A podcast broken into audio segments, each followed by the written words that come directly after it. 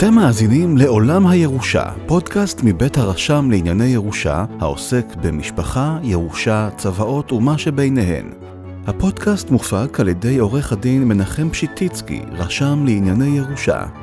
התוכן נועד לידע כללי ולהעשרה בלבד, ואינו מהווה תחליף לייעוץ משפטי. האזנה מהנה ומועילה. שלום מאזינים יקרים, כאן עורכת הדין בת שבע אברך בר-טוב, לשעבר רשמת ארצית לענייני ירושה, ואתם איתנו בפרק נוסף בפודקאסט עולם הירושה. רבים מאיתנו חולמים לעיתים איך גרו כאן בישראל העולים הראשונים בקיבוץ ובמושב. ערכים של שותפות ואחווה, שוויון וערבות הדדית ליוו אותם, כמו גם חיי קהילה עשירים, פרדסים ושדות ירוקים. האמנם רק בזה מדובר? נדמה שערכי הקיבוץ הישן היו מורכבים הרבה יותר. מהקיבוץ הראשון שקם בארץ בדגניה, הדגישו חברי הקיבוצים את דרישתם לשמירה על רכוש משותף, פרנסה משותפת, ולמעשה היעדר זכויות קניין לחברים. ולענייננו, לחברי הקיבוץ הישן לא היו זכויות הורשה בנכסיהם לבני משפחתם. ברי כי מצב זה עורר עם השנים התנגדויות ואתגרים רבים בקרב חברי הקיבוצים, ורצון גדול לשינוי התפיסה והמצב המשפטי. בפרק זה נלמד על הקיבוץ השיתופי לעומת זה המתחדש, ועל השינוי המשפטי שהתרחש עם השנים בזכויות ההורשה של חברי הקיבוץ. איזה רכוש זכאים חברי הקיבוץ להוריש לאחר אריכות ימיהם לבני משפחתם? מהו הליך שיוך נכסים ומה השלכותיו על זכויות היורשים? מהם הדגשים שעל חברי קיבוץ ויורשים פוטנציאליים לשים לב אליהם, על מנת שהוראות צוואה שמותיר אחריו חבר קיבוץ תקוימנה במלואן, ללא התנגדות צד כלשהו, בכלל והקיבוץ בפרט.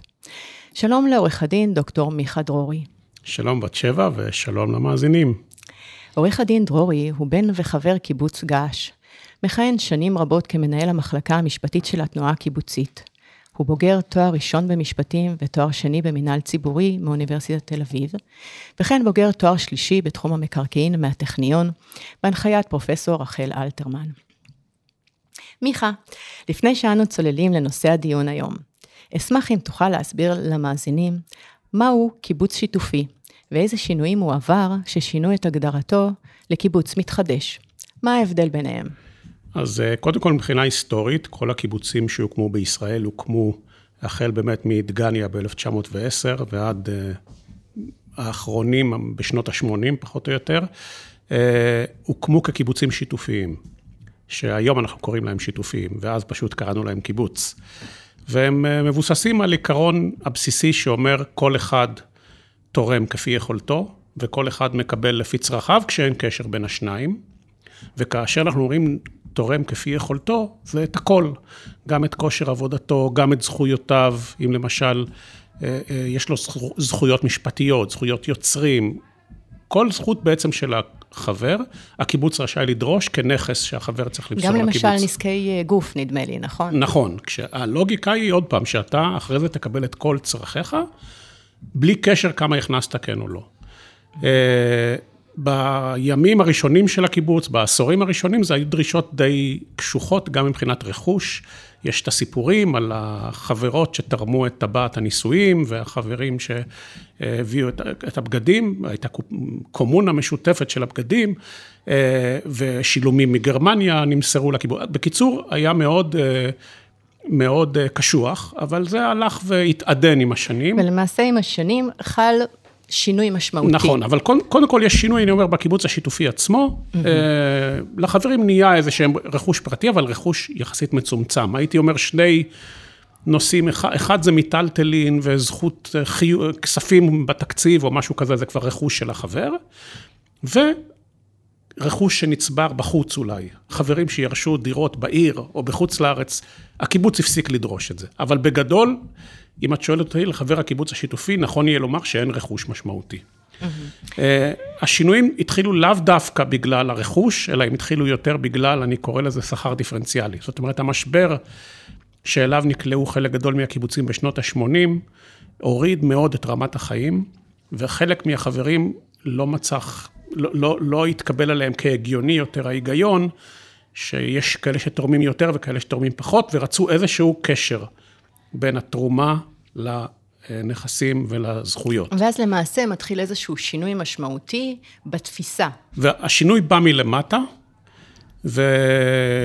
וקיבוצים שונים, אנשים שונים יצרו איזה שהם מודלים חדשים, שבסופו של דבר היה צריך להסדיר אותם מבחינה משפטית, הוקמה ועדה, והוועדה הזאת בעצם הוציאה סיווג חדש לקיבוצים.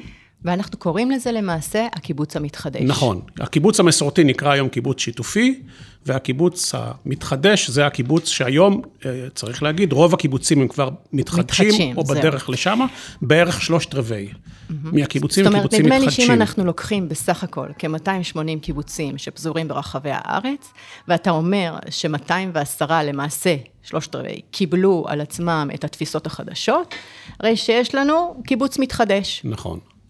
אוקיי? אז בעצם איך עשוי להתבצע אה, השינוי שאותו, אה, שעליו אנחנו רוצים לדבר, או על אותו הזכרת, בין הקיבוץ השיתופי הישן לבין הקיבוץ המתחדש. אז בעצם יש שלושה שינויים שמופיעים במפורש בתקנות, יש תקנות אה, אגודות שיתופיות לנושא הזה, תקנות הסיווג, ושם אנחנו בעצם אומרים שקיבוץ מתחדש, זה קיבוץ שעשה שינוי מקיבוץ שיתופי באחד או יותר מהנושאים הבאים. שכר דיפרנציאלי, זאת אומרת שיש אה, הבדלים בהשתכרות של חברי הקיבוץ שתלויים בכמה הם מרוויחים, זה עדיין אה, ממוסה באופן כבד, וחלק גדול מההכנסות של החברים עוברים לצרכים הכלליים של הקיבוץ, אבל עדיין חבר שמתפרנס יותר, או חברה שמתפרנסת יותר, מקבלת תקציב גדול יותר. שמתחשב בעבודה, בהכנסות שלה. יפה. הנושא השני זה האפשרות לשייך את דירות המגורים. בקיבוץ השיתופי כל דירות המגורים שייכות לקיבוץ, ובעצם חברי הקיבוץ יש להם רק זכות שימוש בדירה. חבר קיבוץ, אם הוא עוזב את הקיבוץ, או חברת קיבוץ הולכת לעולמה, הדירה חוזרת לקיבוץ, לטובת החברים הבאים, ובעצם אי אפשר להוריש אותה, אי אפשר למכור אותה, ואי אפשר להשכיר אותה. והנושא השלישי זה נושא יותר סבוך, והוא גם פחות דרמטי ברוב הקיבוצים, זה מה שנקרא שיוך נכסים יצרניים, שהוא גם מוגבל במה מותר לשייך, אה, שבעצם אה, יוצר איזושהי אה, חלוקה גם של הנכסים היצרניים, למשל קיבוץ שיש לו מפעל תעשייתי גדול, יש הרבה קיבוצים כאלה שיש להם מפעל גדול, יכול להקנות לחברים אחוז מסוים מרווחי, מרווחי המפעל, נגיד לפי הוותק שלהם. יפה. אז אם ככה למעשה, קיבוץ שיתופי, מה שנקרא הקיבוץ ההיסטורי, שעשה את אחד מהשינויים שעליהם כרגע דיברנו, ייחשב מכאן ואילך לקיבוץ מתחדש. אז איך משפיעים למעשה אותם uh, תהליכים על אפשרות החברים להוריש נכסים? כי אנחנו הרי נפגשנו פה היום בענייני הורשה בקיבוצים. ואיזה נכסים למעשה ניתן בכלל להוריש? בואו נתייחס למספר היבטים. Okay. אוקיי. ההיבט הראשון והבסיסי ביותר זו החברות בקיבוץ. אז החברות בקיבוץ, והדבר הזה נכון בעצם כל אגודה שיתופית. הקיבוץ הוא אגודה שיתופית, כפוף לדיני האגודות השיתופיות, הפקודה האנגלית משנות ה-30 וכל התקנות שהותקנו מכוחה, ובאגודה שיתופית העקרונות הם עקרונות של קואופרציה. כתוצאה מכך, אחד העקרונות הבסיסיים היא שהחברות באגודה שיתופית היא חברות אישית, ולא ניתן להעביר אותה לאחר, לא במתנה ולא למכור ולא להוריש. זאת אומרת, בעצם אם אני מסתכל על, על, על נגיד בני משפחה שרוצים להמשיך את החברות של ההורים שלהם בקיבוץ, בעצם הם פונים להתקבל כחבר קיבוץ, כמו כל אחד אחר. והקיבוץ קיבל אותם, אז הם נהיים חברי קיבוץ. לא קיבל, לא נהיים. אבל אי אפשר, ההורים לא יכולים להוריש את זה לילדים. והם לא יוכלו להיות חברים מכוח היותם של הוריהם חברים. נכון, זו זכות אישית שכל אדם חייב לרכוש אותה לעצמו. אוקיי, וההיבט השני הוא הנכסים. האם זכאי ויכול חבר קיבוץ להוריש נכסים, או קיימות מגבלות על הזכות הזו? אז אה, קודם כל אמרתי שכבר מימי הקיבוץ השיתופי יש בצד את אותם נכסים שהם כבר מקובלים ברוב הקיבוצים, בוודאי במתחדשים, כנכסים אישיים של החבר, מיטלטלין בבית, אה, זכויות כספיות בחשבון הבנק, אה, דברים מהסוג, מכונית אולי, דברים מהסוג הזה, אז כל זה קיים. הדבר הדרמטי שהשתנה בזכות ההורשה, הוא בעיקר נושא הדירות. אה, כי אני אציין שגם הנושא של נכסים יצרניים, יש עליו הרבה מגבלות וקשה להוריש אותו. מדובר היום בעיקר בחלוקת רווחים כזאת או אחרת, פירות נכסים, אז אני שם אותו בצד כרגע. והנכס המרכזי שעליו אנחנו בעצם מדברים, כשמדברים על הורשה בקיבוץ המתחדש, זה דירת המגורים. אז בעצם מה שאתה אומר, שההבחנה בין הנכסים היא חשובה, ונכון שנדייק אותה. נדמה לי שבהקשר הזה גם ניתן לדבר על פעולה משפטית שמכונה שיוך נכסים. אז בוא כן. נדבר באמת על ההבחנה בין הנכסים. כשמדובר על נכסים פרטיים של החבר, למשל חסכונות או כספים. בדרך כלל, ברוב הקיבוצים, אה, בטח במתחדשים, אבל גם בחלק מהשיתופיים, הנכסים האלה נחשבים היום כרכושו של החבר. זאת אומרת, החבר יכול להעביר אותם, יכול אה, לעשות בהם כרצונו, ויכול גם להוריש אותם. כשמדובר על הנכסים היצרניים, נגעת בזה ממש בנקודה אה, קטנה קודם, למשל מפעל כזה או אחר, אנחנו לא מדברים כרגע עדיין על הדירות.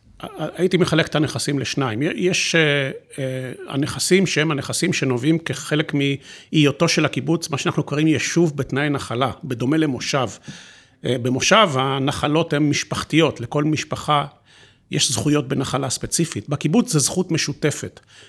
ובעצם גם... אי אפשר להפריט אותה, ואי אפשר להעביר אותה לחברים. אבל כן יוכלו לעשות איזשהו תהליך כזה משפטי שנקרא שיוך פירות נכסים. כן, וזה בעיקר רלוונטי לאותם נכסים שהם לא חלק מהנחלה החקלאית, למשל מפעלי תעשייה. כמו שאמרתי, לקיבוצים רבים יש מפעלי תעשייה, חלקם ממש מפעלים גדולים שמייצאים לכל העולם, מי שבוודאי מכיר, אנשים מכירים את נטפים ואת... אה, אה, אה, קיבוץ בסאסא וברעם וכן הלאה. נכון. אז הנכסים האלה יותר גמישים, כי הם לא כפופים לדיני האגודות השיתופיות.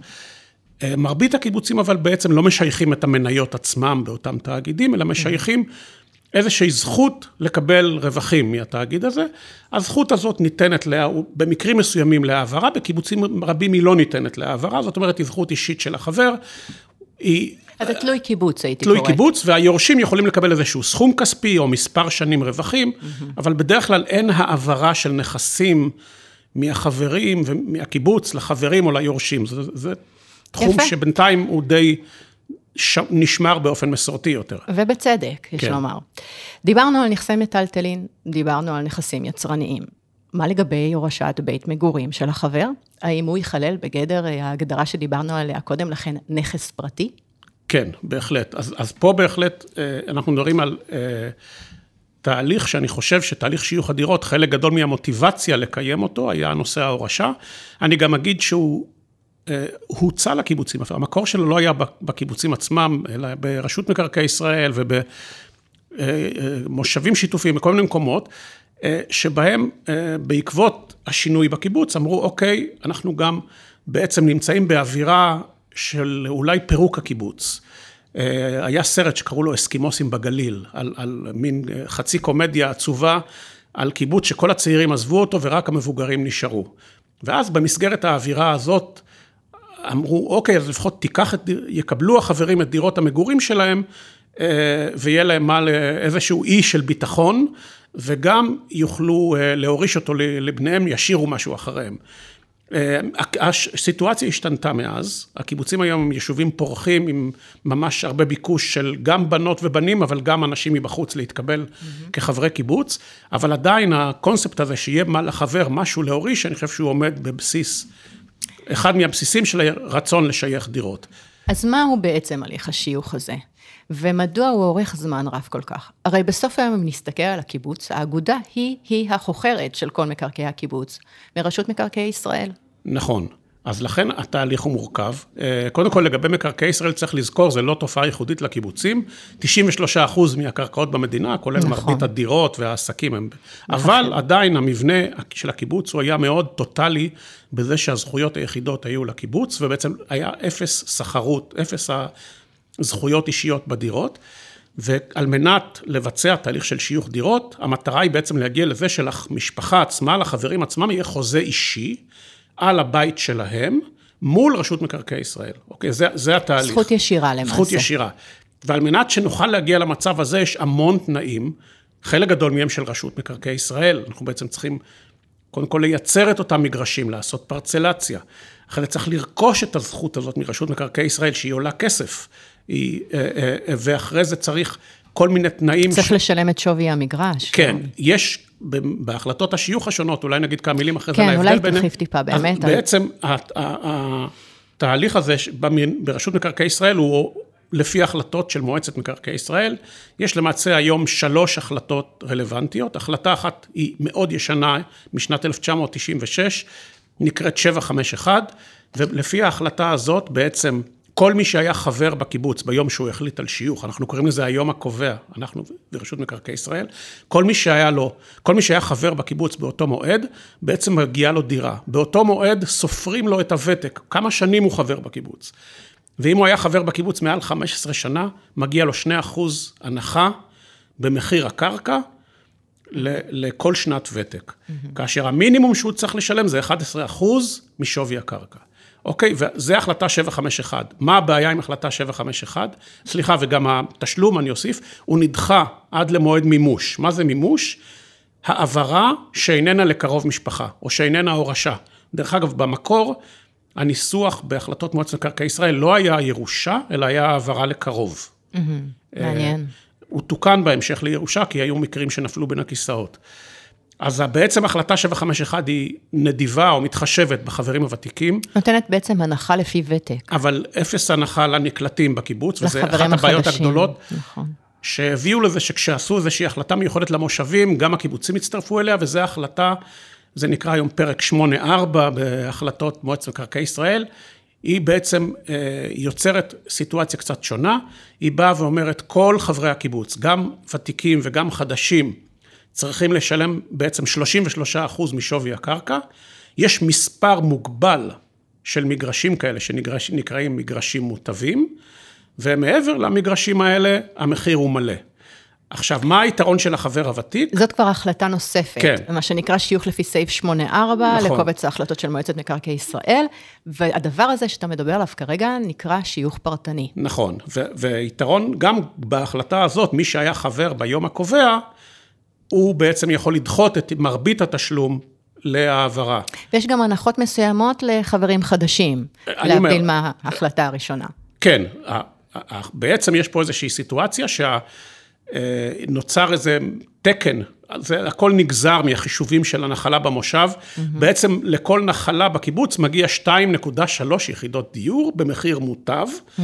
שזה אחת בעצם לחברים הוותיקים, והשנייה למישהו שייקלט בקיבוץ. זה יכול להיות בני משפחה שלהם, יכול להיות גם חברים אחרים. מי שנהנה מזה זה מספר מוגבל של נקלטים, וזהו. מרגע שהמכסה הזאת התמלאה, כל שאר הנקלטים בקיבוץ יצטרכו לשלם מחיר מלא.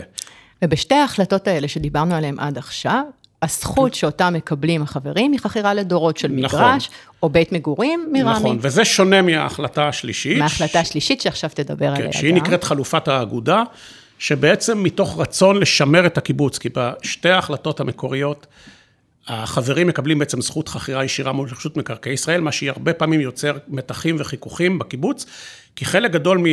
מהעקרונות של הקיבוץ לא נשמרים יותר. למשל, נכון. חובת המגורים במקום.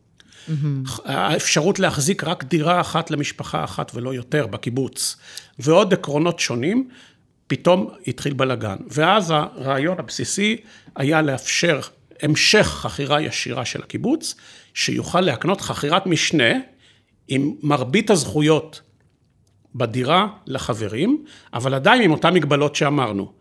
אה, אז בסך הכל, יש היום שלוש חלופות, הייתי אומר שאפשר לחלק את החילוק קיבוצים לארבעה סוגים, ארבע קבוצות. כל חלופה, יש קבוצה של בערך 60-50 קיבוצים, mm-hmm. והחלופה הרביעית זה לא לשייך. זה בעיקר אותם קיבוצים אבל שיתופיים. אבל התוצאות של הליך השיוך, אם אנחנו שנייה מדברים עליו בהקשר של הירושה שלנו, זה שהחברים הופכים לחוכרים או חוכרי משנה ישירים של המגרש ובתי המגורים שלהם, לרבות הזכות להוריש. נכון. אנחנו למדים מכאן שיש באמת זכות ישירה של חבר הקיבוץ כלפי רמי. הטאבו, חברה משכנת. נכון. אב, נכון. אב... יפה, אז נוצרה פה איזושהי זכות קניינית ישירה. אבל מה יכולה להיות מגבלה שתחול או שיכיל הקיבוץ על חבריו, שבעצם לא מאפשרת בהכרח זכות אה, החברים להמשיך אה, אה, להוריש, או זכות בעלות או קניין אז, אז ישירה קודם כזו. כל, גם החלטת המועצה בשיוך, חלק מהנוסחים קיימים בהחלטה א' ולא קיימים בהחלטה ב', ואני מנסה קצת לפשט פה את הדברים, אבל בגדול, התנאי הראשון והמשותף גם, למועצ... גם לרשות מקרקעי ישראל וגם לקיבוצים עצמם, במרבית הקיבוצים, זה שהחברות בקיבוץ ממשיכה להיות העיקר ולא הבעלות בדירה. לכן, כדי להיות בעל דירה, אתה חייב להיות חבר קיבוץ. ומה המשמעות היא? שכאשר אני רוצה להעביר את הזכויות שלה, שלי בדירה למישהו אחר, זה יכול להיות או ליורש, או במקרה שמשפחה מחליטה לעזוב את הקיבוץ והיא מעבירה את זה למשפחה אחרת שתיכנס במקומה, אותו אדם צריך להתקבל כחבר בקיבוץ. ואם הוא לא מתקבל כחבר בקיבוץ, אז הוא צריך להעביר את הזכות למישהו שכן יתקבל כחבר בקיבוץ. ניקח לדוגמה יורש. בדיוק.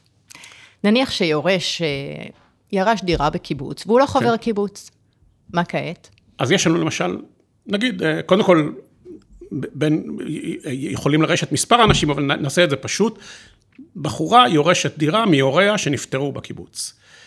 היא, על מנת להיכנס לדירה ולרשום את הזכויות על שמה, צריכה להתקבל. צריכה להיות... להחליט קודם אם היא רוצה להתקבל. בדיוק, אם ול... היא רוצה להיות חברת קיבוץ. אם היא רוצה להיות חברת קיבוץ, אז היא, היא בעצם גם בקיבוץ וגם ברשות מקרקעי ישראל, היא מחליפה את הרישום בדירה, והדירה הופכת להיות דירתה שלה. Mm-hmm. אם היא לא רוצה להיות, להיות חברה בקיבוץ, אז mm-hmm. במרבית הקיבוצים, ובחלק גם מהחלטות מועצת מקרקעי ישראל, זה אומר שהיא צריכה להעביר את הדירה בעצמה, למכור את הדירה mm-hmm. למישהו אחר שהוא כן ירצה להיות, ירצה להיות חבר, חבר קיבוץ. בקיבוץ ולחיות עכשיו, שם. פעמים רבות הנושא הזה נסגר במשפחה, כי אם אנחנו מסתכלים על טיימינג, אז בדרך כלל כשהורים נפטרים בקיבוץ, שניהם ומורישים, זה כבר, לא רק שיש להם ילדים, גם יש להם נכדים כבר. נכדים, בדיוק. ואז בדרך כלל מתוך אותה משפחה מורחבת, הרבה פעמים אה, מישהו מהיורשים הוא זה ש... יבוא לקבל את הזכויות, והוא צריך להתחשבן או לא להתחשבן נכון. עם היורשים האחרים. מגבלה נוספת די נפוצה אה, למיטב ידיעתי, היא על זכות החברים להחזיק יותר מדירה אחת בבעלותם בקיבוץ. אז כאן יש, צריך לחלק את זה לשניים. אה, רשות מקרקעי ישראל לא מרשה שיהיו... לעשות הקצאה של יותר מדירה אחת למשפחה אחת. אבל מבחינת רשות מקרקעי ישראל, חברים בקיבוץ יכולים לאגור במרכאות דירות, זאת אומרת, אם יש, קחי לדוגמה חבר קיבוץ ותיק, אז הוא מקבל קודם כל זכויות בדירה שלו עצמו. Mm-hmm. ואז יכול להיות שיש לו הורים שנפטרו בקיבוץ, והוא יכול לרשת, לרשת. את הדירה שלהם. נכון. ואחרי זה, אלוהים גדול, יכול להיות שאיזה חבר מציע למכירת דירה, הוא יכול... ואז יקנה. אז תיאורטית, למשל, זאת אחת הסיבות שעשינו את חלופת האגודה. הרבה מהקיבוצים אומרים, סליחה, אנחנו עדיין לא רוצים לפגוע בקיום הקיבוץ. כמו שאמרתי קודם, הדירה היא אמצעי, היא לא המטרה. יש גם איזה ערך סוציאליסטי כזה. נכון, אז אנחנו באים ואומרים לך, ירשת דירה נוספת, או קיבלת לבעלותך דירה נוספת, אנחנו רוצים שתשמור דירה אחת. ואת השנייה תמכור, אתה לא מפסיד את הכסף, אבל אתה, אנחנו לא רוצים שבקיבוץ יתחילו להיות... אה, אה, במרבית הקיבוצים לא רוצים שיהיה מעמד כזה של בעלי בתים, של אנשים נכון. שבעצם משכירים בתים. ואז או... הבדל מאוד גדול יחסית אה, בין גם, חברים. זה גם מפרק את הקהילה במרכאות, זאת אומרת, כש... נכון. אז, אז לכן... יש לזה השלכות רבות, אין כן. ספק. אז למדנו על הליך השיוך. וגם למדנו, לפי מה שאתה אומר, שהוא יכול להיות ממושך מאוד, והוא עלול, אם כך, לפגוע בזכויות חבר הקיבוץ. טול דוגמה שבה חברת קיבוץ הלכה לעולמה לפני שהסתיים הליך שיוך, והיא מבקשת להוריש בצוואה שלה דירה שבה התגוררה לילדיה. אני מחזיקה בידי צוואה אקראית, ובצוואה הזו מנוחה קבעה כך: זכויות במקרקעין אה, מכל מין וסוג שהוא, ובכללן זה מה שהיא בעצם ייכלל כן. בתוך העיזבון שלה, ובכללן הזכויות בדירה, כפי שהוקצתה לי על ידי הקיבוץ, בית, דירה, קרקע אחרים שיוקצו לי בעתיד על ידי הקיבוץ, לרבות במסגרת של הליך שיוך הדירות לחברי הקיבוץ. אז מה הדין של הדירה הזו במקרה הזה? זאת אומרת, באותה דוגמה שהתחלתי ואמרתי, שהיא הלכה לעולמה, טרם הסתיים הליך השיוך. ואם עשה הקיבוץ למשל איזשהו שימוש בדירה טרם פטירתה, או אחרי פטירתה לצרכיו שלו. אז במרבית הקיבוצים ההחלטה היא, אה, והיא פעמים רבות גם מגובה, מכיוון שיש סכסוכים בנושאים האלה, אז כבר יש מגובה גם בפסקי דין, כולל של בית משפט עליון, זה שעד להשלמת תהליך השיוך באמת, אז הזכויות עדיין שייכות לקיבוץ. זו תקופת ביניים. תקופת ביניים, כן, שלצערנו באמת היא מתמשכת שנים רבות, כי צריך פה הליך של להכין תוכנית לקיבוץ, תוך, הליך שבישראל לוקח שנים כדי לעשות את הפרצלציה, ולתכנן את האפשרות בכלל ליחידות הרישום של המגרש. אה, יש את כל העבודה מול רשות מקרקעי ישראל, יש את כל המאמצים, הצורך לגייס את הכספים על מנת, גם בקיבוץ וגם במשפחות, על מנת, אה, חברים, על מנת לבצע את השיוך. בקיצור, זה תהליך שלוקח המון בדרך שנים. בדרך כלל גם הקיבוץ יטען שעם הפטירה, הדירה חזרה אליו. אין ויכוח שמרגע שקיבוץ החליט על שיוך דירות, mm-hmm. כל מי שהיה חבר באותו יום, יש לו זכות. לפעמים יש ויכוח... גם על... אם הוא טרם מסתיים? נכון, mm-hmm. כן. עכשיו השאלה היא זכות למה. לפעמים הוויכוח הוא, אני רוצה את דירת הוריי, למשל, נכון, להבדיל מזכויות אחרות. יש פסק דין בעניין שדות, קיבוץ שדות ים. נכון. אה, זה היה שווה הרבה, כי דירת הוריי הייתה סמוכה לחוף, ואם אני אקבל דירה אחרת, אולי תהיה רחוקה יותר מהחוף. נקבע שעדיין, כל עוד לא בוצע שיוך באופן מלא, הקיבוץ יכול להחליט שהוא לא משייך ספציפית את הדירות, לפי... זאת אומרת, ליורשי אותה חברה נכון. שנפטרה, תהיה זכות לקבל זכויות בדירה, אבל לאו דווקא בדירה נכון. המסוימת. נקודה נוספת היא השאלה, אה, מה קורה לגבי השימוש בדירה הזאת, לאחר מועד פטירת המורישים ולפני שהסתיים השיוך. בקיבוצים רבים, הקיבוץ עושה שימוש בדירה הזאת, או לצורכי דיור של חברים, או הוא משכיר אותם, ובחלק מהקיבוצים, מפה מגיעה הפנסיה של ה... חברים. זאת אומרת, הדירות הפנויות האלה, הקיבוץ בעצם... אה, יכול להשכיר אותם, כן. לעשות בזה שימוש. זה תחום קצת אפור, אבל זה מה שקורה, mm-hmm. ומהכסף הזה, משלמים את הפנסיה לאותם חברים ותיקים, ותיקים, שבעצם הבנים היורשים שנמצאים בעיר לא משתתפים בזה. בעניין בית כן. קשת, כן. אני חושבת שקבע בית המשפט בדיוק את מה שאתה אומר, שבמועד הפטירה של חברת הקיבוץ פקעו הזכויות לשימוש בדירה, וזכויות החזקה נתונות לקיבוץ ולא ליורשים. נכון, ואנחנו בעצם, בחלק מהקיבוצים, באיזשהו שלב מעבירים את הזכויות גם, זה נקרא... תחום אפור כזה, אבל זה נקרא שיוך חוזי. זאת אומרת, יש איזשהו יום שהקיבוץ אומר, מבחינתי, זאת כבר הדירה של היורשים. אבל התהליך ברשות מקרקעי ישראל עוד לא הסתיים, אבל עדיין אתם, זאת כבר הדירה שלכם. ואתם גם יכולים לקבל בחזקה. יש מועד קובע, מה שאנחנו קוראים מועד קובע כן, לקריאה הזו? אז, אז הוא שונה מהחלטה להחלטה. בהחלטה, אנחנו אומרים תמיד, תמיד היום שבו הקיבוץ החליט הוא יום חשוב וקובע. Mm-hmm. זאת אומרת, כי קיבוץ שלא יחליט על שיוך דירות, באין, אין, בעצם אין אצלו יום קובע. בשבע, החלטה 751, גם לא היה ויכוח. רשות מקרקעי ישראל קיבלה מהקיבוץ את ההודעה שהוא החליט על שיוך דירות, וזה היום הקובע שלפיו התיישרו שני הצדדים. בהחלטה הבאה, שהיא לאותה פסקה, אותו החלטה לפי סעיף 8-4 לקובץ החלטות מועצת מקרקעי ישראל, mm-hmm. רשות מקרקעי ישראל קבעה יום סטטוטורי, אנחנו קוראים לזה, אבל השאלה מה אומר אותו יום, היא גם היום בוויכוח משפטי. כי מה שבעצם אומרת ראשי, רשות מקרקעי ישראל ויורשים מסוימים, הם אומרים, היום הזה, 27 למרץ 2007, בעצם כל חברי הקיבוץ באשר הם, נהיו זכאים. ואנחנו אומרים לא. מדובר בשני תנאים. רשות מקרקעי ישראל אומרת, כל מי שהיה חבר במרץ 2007, אני נותנת לו זכות אם הוא רוצה, וגם תנאים כספיים. אבל השאלה אם בכלל יש שיוך או לא שיוך באותו קיבוץ, זה עדיין להחלטת הקיבוץ. זה היום במחלוקת משפטית, נמצא בדיון בבית המשפט המחוזי. מעניין ואנחנו, מאוד. ואנחנו, כן. אני, אני רוצה להתקדם איתך למצב עוד יותר קשה משפטית. כן. דיברנו על דירת מגורים, אבל מה דין המגרש שעליו היא נבנתה? נניח שהליך שיוך הושלם לגבי הדירה, אך לא לגבי המגרש. אז כמובן שמבחינתנו אנחנו מכירים את הדין הישראלי, שבו לא ניתן להפריד בעצם בין הקרקע לבין המחוברים, ולכן בעצם השיוך הוא של המגרש. זאת אומרת, אה, אה, אה, גם רשות מקרקעי ישראל, היא, יש לה זכויות בקרקע, לה, היא לא בנתה את המבנים, כל המבנים נבנו על ידי הקיבוצים ועל ידי החברים. אבל כל עוד לא, יש... מה שאמרתי קודם זה שלעיתים הקיבוץ יכול להגיד לחבר, עשה בדירה כבתוך שלך, מבחינתנו, אתה כבר בעל הזכויות. אבל התהליך ברשות מקרקעי ישראל עוד לא הושלם. אז השלב הזה, הוא נקרא אותו שלב ביניים, אז הוא בעצם, אה, לכאורה לחבר יש זכות במחוברים בלבד ולא בקרקע, בעצם אין לו זכות בכלום, אבל יש לו איזושהי זכות חזקה בנכס שהוא אה, יכול להשתמש בו. המצב הזה הוא מאוד tricky ומאוד לא ברור מבחינת היורשים, למשל. מאוד סבוך ומורכב גם מבחינת היורשים. כן. אז למשל, אנחנו יודעים שמבחינת היורשים, רשות מקרקעי ישראל אומרת שמבחינתה הזכות של המוריש נניח למכור את הדירה. היא- מבחינת רשות מקרקעי ישראל, עד שלא הושלם השיוך, אין אפשרות אין לבצע אפשרות עסקאות.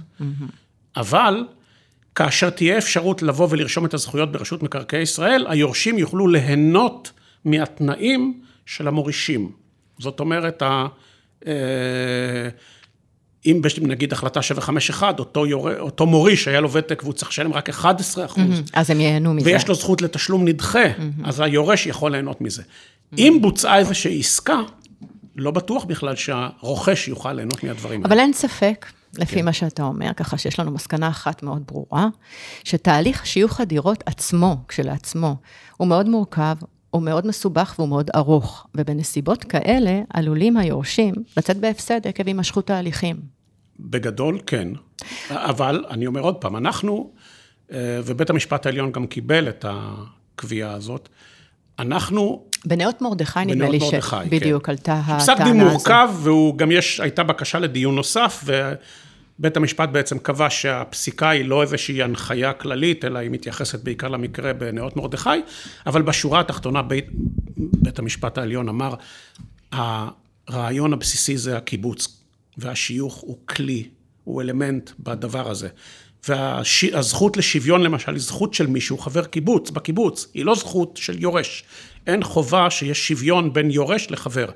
ולכן אנחנו מבחינתנו, הנושא המרכזי זה להיות חבר בקיבוץ. אין, אין מקום לקפח יורשים mm-hmm. בזכות הכלכלית שלהם, אה, אבל צריך לזכור שאם יש אה, באמת אה, תהליך מורכב, אז עדיין העקרונות של הקיבוץ הם יותר חשובים, וכמו שאמרתי, חלק גדול מהמקרים זה נועד לשרת גם את הטיפול בחברים הוותיקים בקיבוץ עצמם, שהיורשים, יש לזכור, פטורים ממנו. זאת אומרת, הם לא מטפלים בהוריהם, הם לא נות- נותנים פנסיה להוריהם, מי שעושה את זה, זה שאר החברים בקיבוץ.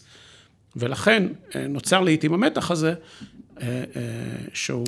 נדמה לי שהקיבוצים משקיעים זמן ומאמץ רב מאוד בקליטת חברים, בנות ובני קיבוץ חדשים, וגם נותנים להם במובן הזה כללים ונהלים פנימיים שיצדיקו את זה.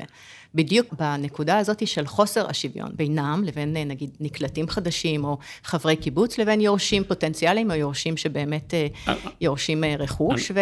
ואומרים להם לא, עד לפה. זאת אומרת, עצם זה שאנחנו קובעים שיש חוסר שוויון, ובית משפט העליון הצדיק את זה, הלוואי וככה יהיה תמיד, לדעתי מרבית הקיבוצים זה מה שהם רוצים, שמי שיורש דירה בקיבוץ, שיבוא להיות חבר. הרי מה שהקיבוצים רוצים... זה הרעיון. זה הרעיון. הקיבוצים רוצים חברי קיבוץ. ובשביל שחברי קיבוץ יוכלו לגור בקיבוץ, כי אחד מהעקרונות של הקיבוץ זה חובת מגורים בקיבוץ, אז צריך שיהיה להם דירה בקיבוץ. ולכן המצב שבו מצד אחד יש חברי קיבוץ שאין להם דירות, ומצד שני יש בעלי דירות שהם לא חברי קיבוץ, הוא מצב שרוב הקיבוצים לא רואים אותו כמצב טוב, רואים אותו כמצב בעייתי. נכון. אז הרצון הוא לא לקפח את היורשים, אבל כן לשמור, לשמר את צורת החיים הזאת. אני אומר בתור בדיחה, יש פחות קיבוצים בעולם מאשר פנדות. אז, אז, אז לנסות ולשמור על צורת החיים הזאת... עדיין לשמר על צורת החיים, כן, זה- צורת זה החיים דבר וגם, חשוב, כן. וגם את הרעיון. עורך הדין דרורי, אנחנו מכירים את המונח בן ממשיך ביחס למושבים. האם קיים מונח כזה, או מה המשמעות שלו בכלל, אם בכלל, בקיבוצים? אני שמח שאת שואלת את זה, כי זה מופיע בכל מיני מקומות בתקשורת, וגם הרבה בסלנג הקיבוצי, אבל אה, אין דבר כזה. הבן הממשיך באמת הוא נובע במשק המושבי מהעובדה שאנחנו, רק משפחה אחת יכולה להחזיק את הנחלה. ולכן, אה, אם רוצים להעביר את הנחלה בירושה, ניתן לעשות זאת רק למשפחה אחת, רק לאחד הבנות או הבנים. ולשאר, לכאורה, אין אפשרות להישאר בנחלה. לעומת זה, בקיבוץ, הח- החברות בקיבוץ איננה משפחתית. המשק הקיבוצי הוא שיתופי, הוא לא משפחתי. כלומר, הקיבוץ יכול לקלוט את כולם, משני הכיוונים. א', הוא יכול לקלוט, יש מגבלה של מספר אנשים שאפשר לקלוט בקיבוץ, אבל הם לא חייבים להיות חברי קיבוץ, והם גם יכולים להיות חברי קיבוץ, אבל לא בצורה מאוזנת. זאת אומרת שכל הילדים שלי רצו לבוא לקיבוץ וחזרו, והילדים של מישהו אחר לא רצו ולא חזרו. במספר קיבוצים שיש הרבה רצון של בנים לחזור, עושים לפעמים איזשהו תור, וככה נכנס המושג הזה. Mm-hmm. אמרו, קודם כל בואו נקלוט את אלה שהם הבן הראשון, נקרא לזה ככה, מהמשפחה, כדי שלא יישארו ההורים לבד בקיבוץ. אבל זה לא משהו משפטי. אבל אין באמת הוא- הוא- מונח לא, משפטי כזה ממש שנקרא לא. בן ממשיך. ממש לא. להבדיל מהמושב. נכון. עורך הדין מיכה דרורי, אני מבקשת להודות לך על דיון מעמיק ושיח מרתק בנושא הורשה בקיבוצים, הקיבוץ השיתופי והמתחדש וסוגיית שיוך הנכסים לחבריו. אין לי כל ספק שהבאת בפנינו היום מידע חשוב ופרקטי לתכנון רכושי עתידי, לאחר אריכות ימים לחברי הקיבוצים ומועמדים פוטנציאליים לחברות בקיבוץ. כאן עורכת הדין בת שבע אברך בר-טוב, נשתמע בפרק הבא של עולם הירושה. תודה רבה בת שבע על ההזמנה ועל השיחה הנעימה, אני מקווה שהמאזינים למדו משהו היום. תודה שהייתם איתנו בעוד פרק של עולם הירושה, פודקאסט מבית הרשם לענייני ירושה, העוסק במשפחה, ירושה, צוואות ומה שביניהם. אתם מוזמנים להאזין לנו בכל אפליקציית פודקאסטים שאתם אוהבים. להתראות בפרקים הבאים.